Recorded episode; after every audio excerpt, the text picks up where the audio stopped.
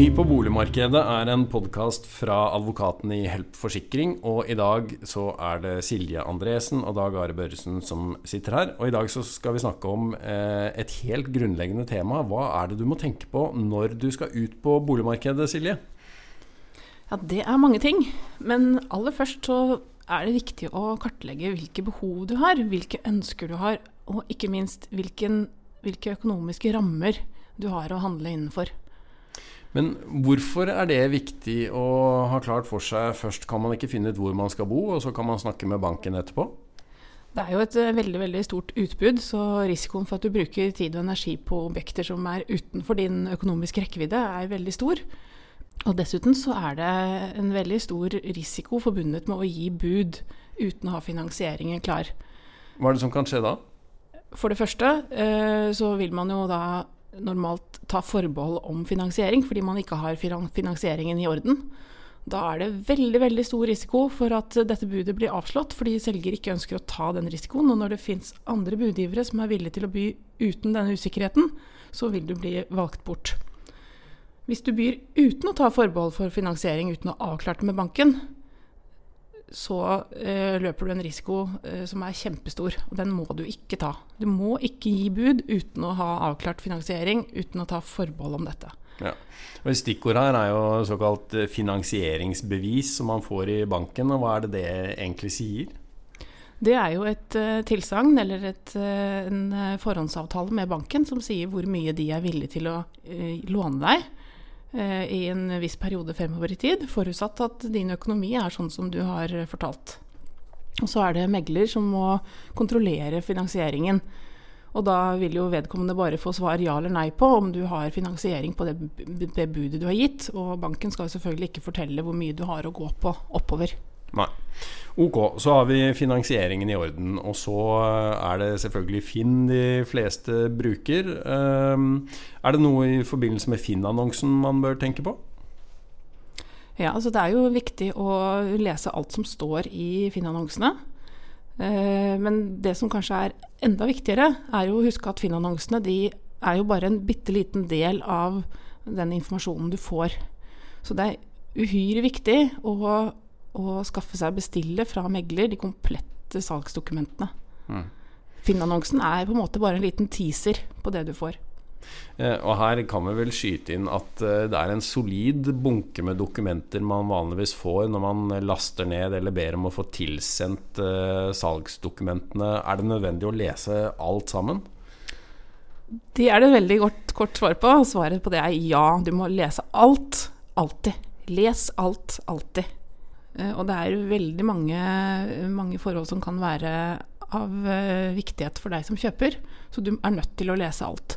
I gamle dager så var det sånn at man fikk eh, annonse- eller prospekttekster som var på kanskje fire, fem, seks A4-sider. Den tiden er forbi. Nå får man kanskje gjennomsnitt si 100 sider. Det er veldig, veldig mye. Mm. Og det er såpass mye at uh, det er faktisk praktisk mulig å sette seg inn i det ved å bare lese det mens du er på visning. Så skaff deg disse dokumentene på forhånd. Megler har plikt til å legge det ut eh, minst 48 timer før annonsert visning, så du har god tid på å skaffe disse. Print det ut. Noter deg det du er, eh, er lurer på, eller er spesielt interessert i, og still forberedt på visning. Er det, er det, meningen egentlig at jeg som kjøper skal drive detektivarbeid i salgsoppgaven for å finne ut uh, mulige feil? Er ikke det sånn som jeg skal få vite om først, da, egentlig? Ja, det skal jo stå der på en, uh, på en forståelig måte. Det er selgerens ansvar å sørge for. Mm. Eller meglerens ansvar å formulere det på vegne av uh, selger. Men det er jo vi som kjøpere som er nødt til å sette, bruke tid på å sette oss inn i det som faktisk står der. For hvis det står noe der som du har oversett fordi du har brukt for kort tid, så vil selger gå fri. Ja. Eh, hvis man undersøker litt på Finn, så vil man se at det er noen boliger som selges uten megler, og så selges eh, de aller fleste med megler. Hva er egentlig forskjellen? Det at du bruker eh, altså Nå er jo de aller aller fleste handler, handler mellom private selgere og private kjøpere, de foregår med megler som mellommann. Og det er det god grunn til, fordi megler er jo en profesjonell som kan hjelpe selger å oppfylle opplysningsplikten, og hjelpe kjøper eh, mot å, å, havne i trøbbel. Uh, utover det så er det for så vidt den samme loven, avhendingsloven, som regulerer rettsstillingen mellom selger og kjøper som sådan. Men hvis selger har engasjert en megler, så kommer regelverket for meglere inn på toppen. Og de jo, uh, Dette regelverket for meglere det er laget for å sikre en trygg og effektiv bolighandel.